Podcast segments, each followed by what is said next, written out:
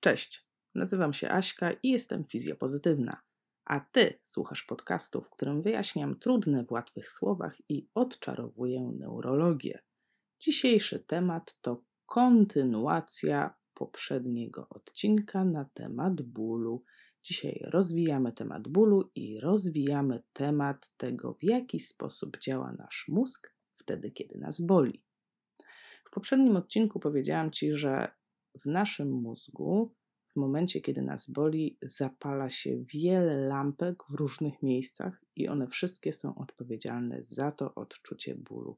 W związku z tym nie ma jednego konkretnego ośrodka bólu, ale jest wiele miejsc, które biorą udział w generowaniu tego bólu. Bo jeśli słuchałeś poprzedniego odcinka, a mam nadzieję, że tak było, to wiesz o tym, że ból powstaje w mózgu. On nie powstaje w tkankach, nie powstaje w mięśniach, w stawach czy gdziekolwiek indziej. On powstaje w mózgu. To, co warto wiedzieć na temat bólu, to to, że te obszary, które generują go, one potrafią się nakładać na siebie, a również potrafią się nakładać na inne obszary, które generują zupełnie inne odczucia, jak na przykład obszary przyjemności. Więc jeżeli pomyślisz o tym, to tak naprawdę ból jest dość blisko przyjemności i można tego doświadczyć na przykład podczas masażu.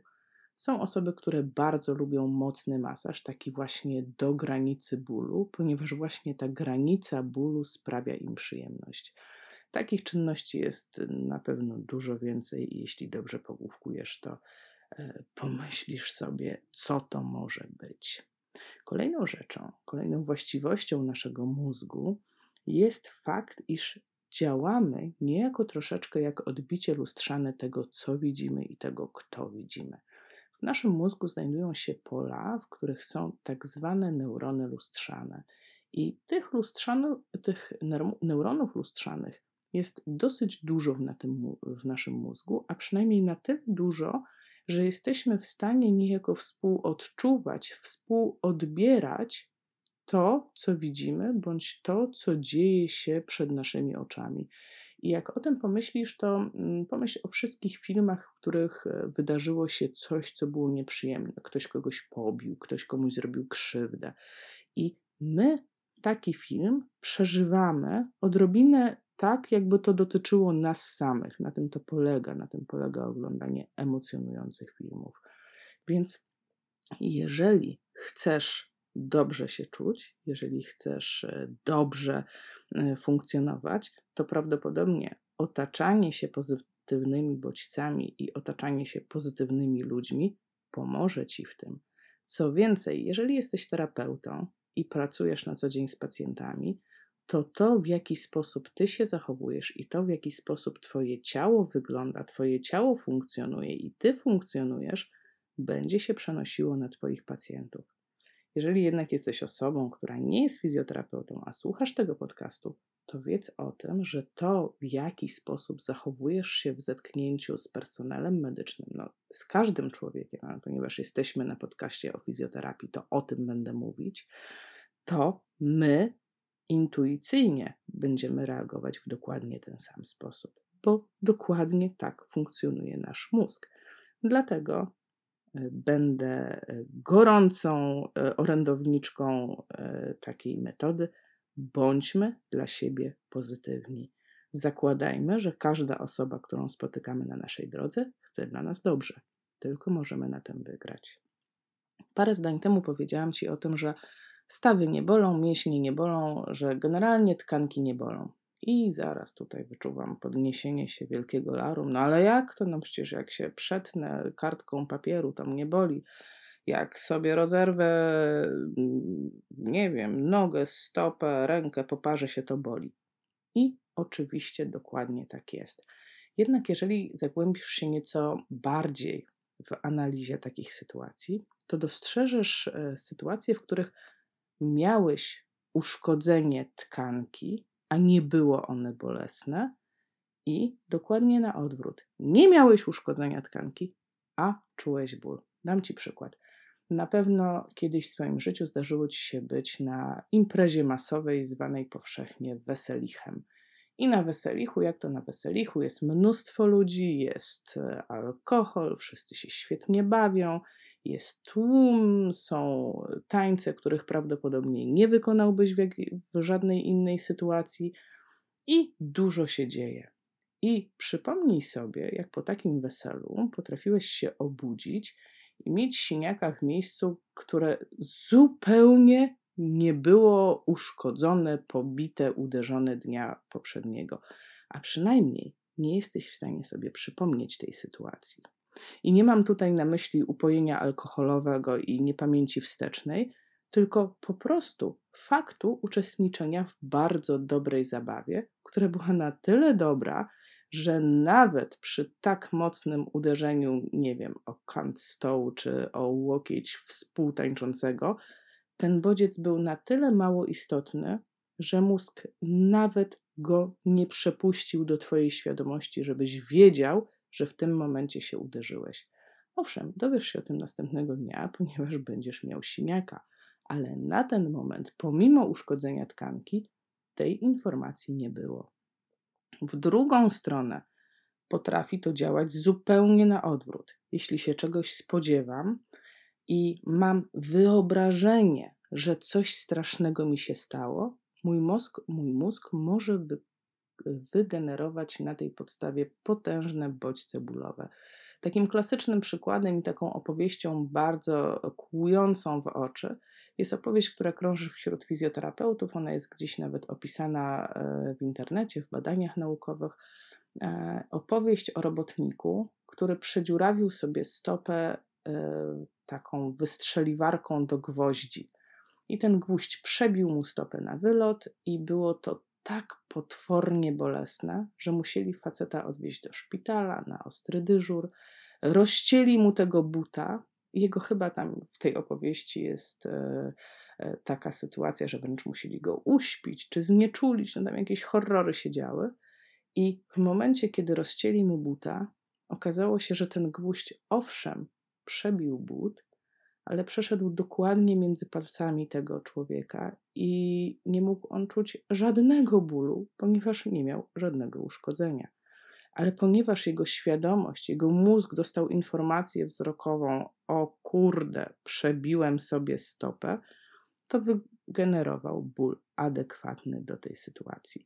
Jak sobie wpiszesz w internet e, w poszukiwaniu grafiki nail in the shoe, nail in the foot. Prawdopodobnie znajdziesz rentgen tego właśnie robotnika oraz opis całej historii. Zachęcam, bo jest to dość ciekawe. Co bym chciała, żebyś wywnioskował, żebyś zapamiętał z tego, e, co powiedziałam?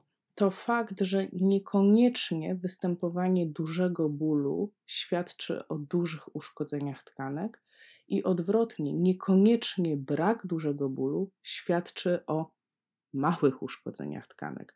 Takim klasycznym przykładem jest reumatologia. W reumatologii bardzo często mamy duże, masywne zmiany struktur, duże zwyrodnienia, duży problem, a nie zawsze jest to bolesne. Zwyrodnienia są zresztą takim klasycznym przykładem. Chyba w każdym odcinku mojego podcastu będzie hasło pod tytułem Czego nie dowiesz się od fizjoterapeutów, to się dowiesz tu. Mam nadzieję, że dowiadujecie się takich rzeczy od swojego fizjoterapeuty, ale jeżeli nie, to ja Wam to powiem. Jeżeli widzę rentgen i w tym rentgenie są masywne zmiany zwyrodnieniowe, a pacjent przychodzi z wywiadem, pamiętacie o wywiadzie, jeśli nie wiesz, o jak ważny jest wywiad, czyli to, żebyś pogadał ze mną w trakcie wizyty, to odsyłam Cię do pierwszej części e, podcastu, pierwszej części e, cyklu Dlaczego boli.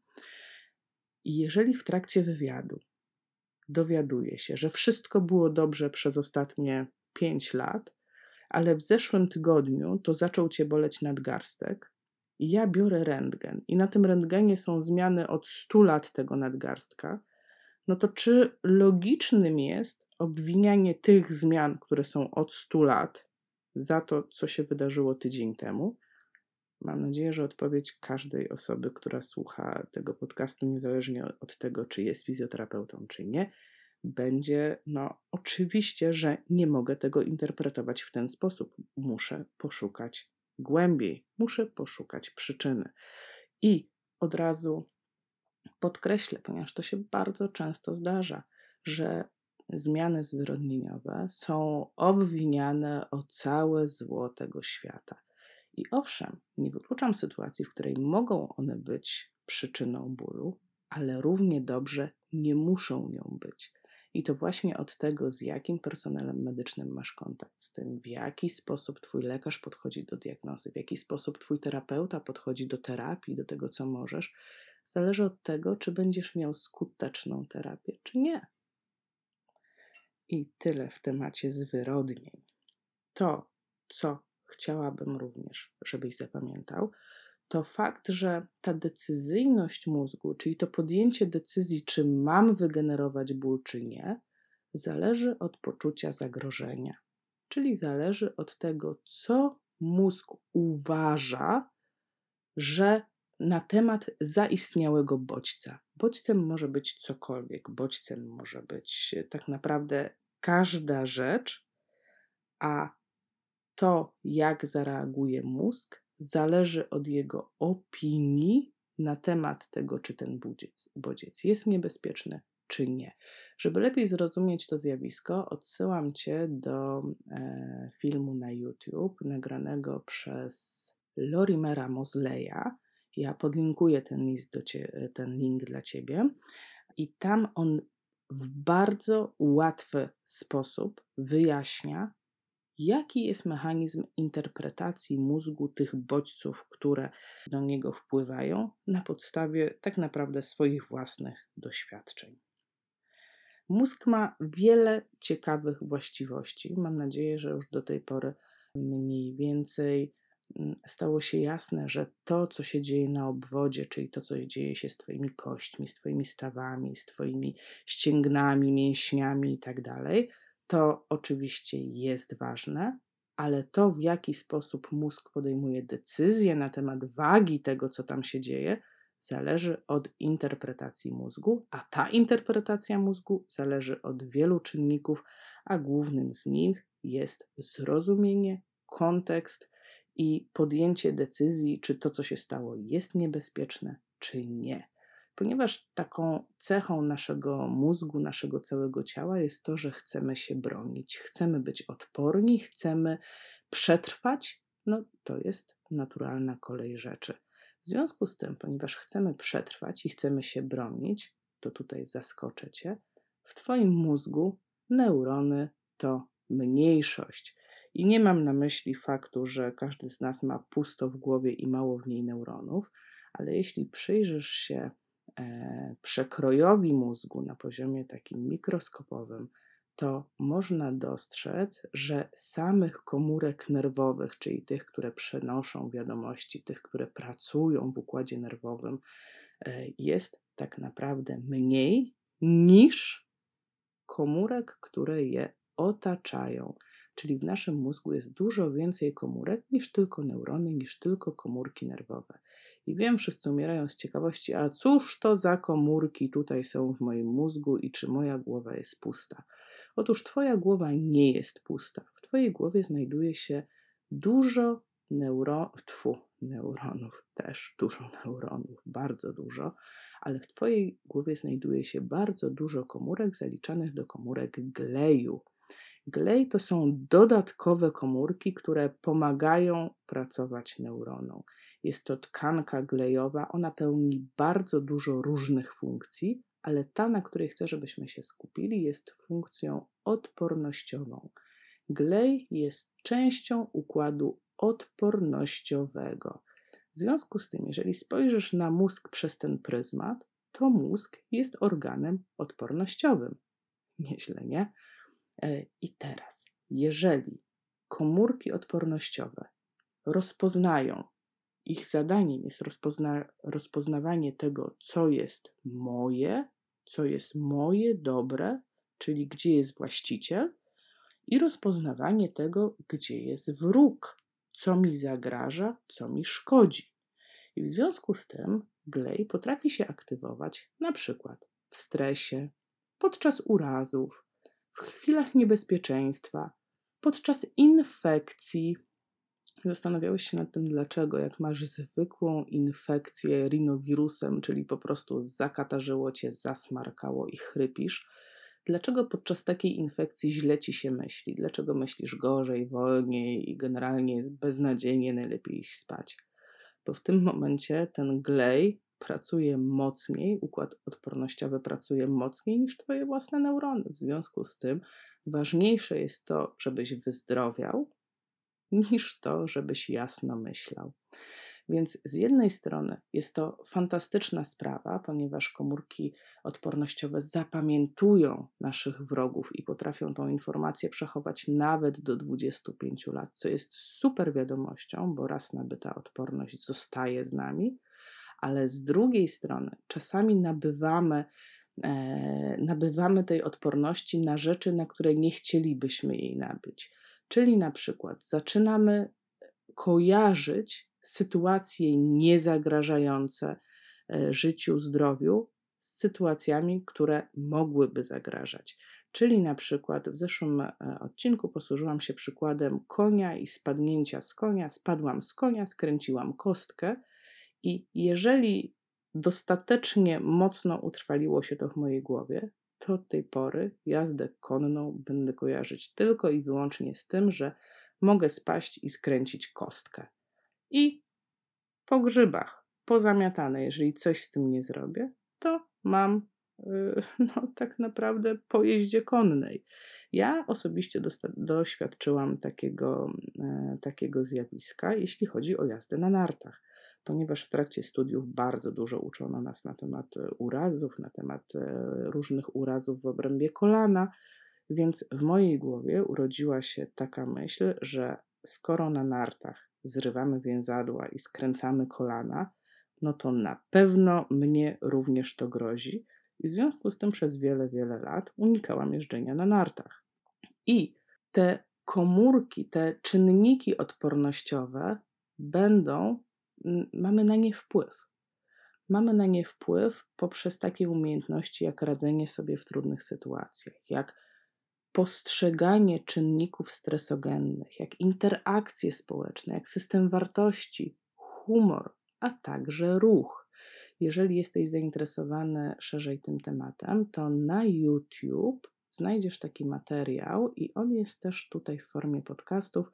Materiał nazywa się Co robi fizjoterapeuta, jak boli? I tam opisuję Ci konkretny przypadek, w jaki analizowałam e, swoje własne dolegliwości bólowe, które zdarzyły się w bardzo konkretnej sytuacji, w bardzo konkretnych okolicznościach i użyłam tych wszystkich rzeczy, o których Ci teraz mówię, czyli zaczęłam sobie radzić z tą sytuacją, rozpoznałam czynniki stresogenne, wykorzystałam interakcje społeczne po to, aby pozbyć się tego bólu. Serdecznie polecam ten materiał. To, co bym chciała przekazać, to, co bym chciała, żeby zapadło w głowie po dzisiejszym podcaście, to jest fakt, że ból jest opinią mózgu na temat zaistniałej sytuacji. Że to normalne, że jeśli się boimy, to boli nas mocniej. I to normalne, że jeśli otaczamy się ludźmi, którzy wzmacniają nasze lęki, to będzie nas bolało mocniej. I że to normalne, że jeśli podejmiemy wysiłek i zrozumiemy sytuację, w jakiej się znaleźliśmy, i podejmiemy aktywnie e, poszukiwanie sposobów na rozwiązanie jej, to prawdopodobnie łatwiej nam będzie wyjść z tych, z tych dolegliwości, czego serdecznie życzę Tobie i wszystkim terapeutom, którzy mnie słuchają. Samych sukcesów z pacjentami. Do następnego odcinka. Cześć!